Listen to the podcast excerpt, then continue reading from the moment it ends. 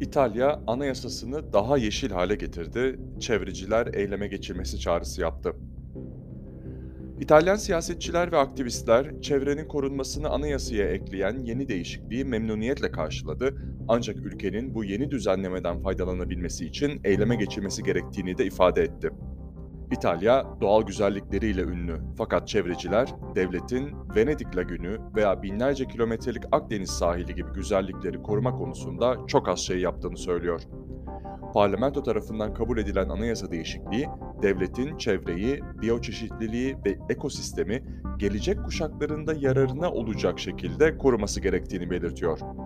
Düzenleme, tüm özel ekonomik girişimlere, sağlığa veya çevreye zarar vermeme yükümlülüğü getiriyor. Ekolojik Geçiş Bakanı Roberto Cincolani, değişikliği İtalya için dönüşüme doğru atılmış önemli bir adım olarak niteledi. Avrupa Birliği'nin koronavirüs salgını sonrası iyileşme fonu kapsamında Roma, ekonomiyi dönüştürmek amacıyla yeşil yatırımları artırmaya çalışıyor. Cingolani açıklamasında kanımca bu çok önemli bir gün ifadesini kullandı.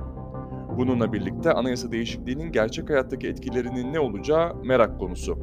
1948'den bu yana yürürlükte olan İtalya Anayasası geniş ilkeler belirlemiş durumda ancak bunlar her zaman kanunlara veya günlük politikalara yansımıyor.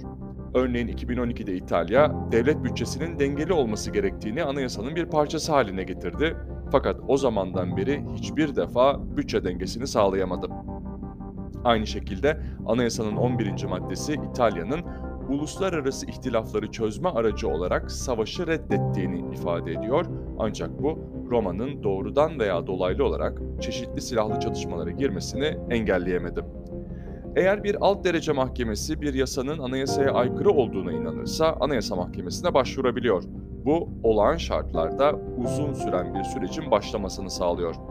Aynı şekilde Cumhurbaşkanı da eğer bir yasanın anayasaya saygı göstermediğini düşünürse imzalamayı reddedebiliyor ve parlamentodan yasayı gözden geçirmesini talep edebiliyor. Özel bireyler ve baskı grupları doğrudan Anayasa Mahkemesi'ne başvuramıyor. Ulaştırma ve Altyapı Bakanı Enrico Giovannini yeni anayasa değişikliğini güçlü ve sembolik bir hareket olarak niteledi ancak şimdi kabul edilen ilkelerin bu ilkelerle uyumlu kolektif ve bireysel eylemlere ihtiyaç duyduğunu söyledi.